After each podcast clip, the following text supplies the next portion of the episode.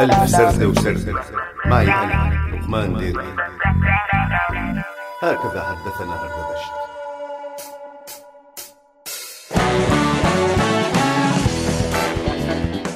ممنوع التدخين.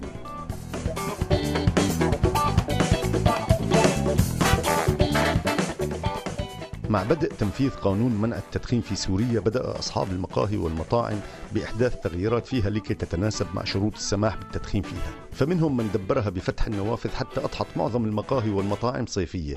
ومنهم من ثقب السقف بما يتناسب مع القانون الجديد حتى أضحت الشام بلا سقوف. وصارت السماء منظرا مألوفا أينما حللت. أما في الأماكن التي لم يستطع أصحابها فتح نوافذ لها أو فتح السقف فيها فلقد سرى القانون. وصار مصيبة بالنسبة للبعض. وفوائد للبعض الآخر. وبات المدخنون يقضون ربع وقتهم في المطعم وثلاث أرباعه على بابه حتى أن بعض المطاعم وضعت الطاولات والكراسي أمام الباب في إشغال جديد للأرصفة التي تحتلها عادة السيارات. ولم يعد هناك مكان للمشاة حتى ممرات المشاة صارت مجلسا للمدخنين وتلوث الهواء في الخارج.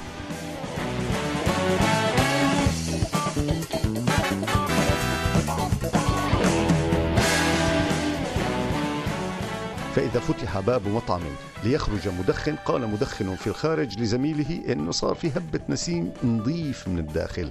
وفي الشوارع الضيقة في الشام القديمة سيتمتع أصحاب السيارات بمشاوير من نوع جديد. فالفتيات المدخنات على أبواب المطاعم والشباب الطيبه يتفرجون عليهن من السيارات. أما في الشوارع السريعة فإن منظر المدخنات بات يسبب الحوادث المرورية التي أبطالها غالبا من أصحاب التكاسي والهوندايات وصار لزاما على إدارة المرور أن تضع لافتات ولافتات تشبه اللافتات القريبة من المدارس. انتبه خفف السرعة مدخنات. فإذا لم يخفف الشباب السرعة فما علينا إلا بالحل السوري الشهير ألا وهو المطبات. ومن المطبات إلى العزايم على التدخين. تسمحي لي بسيجارة معك مدام؟ وشو رأيك ندخن برا ونكمل موضوعنا على رواق يا أبا الشباب؟ ونلتقي في سيجارة قادمة. ونضف الجو في الداخل وسعلت في الخارج السيارات. حتى الصيف غبأ وغامت السماء وعصفت الرياح وشتت السماء سيجارات أو بالأحرى أعقاب سيجارات. وصار الولد يوصل على البيت وبسفل كندرته على الآن الفلاتر. يا ساتر.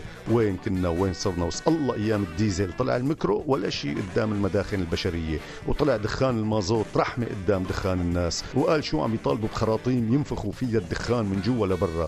لأنه الفوتة والطلعة بتروح الهيبة وبتخلخل المقام. يا سلام.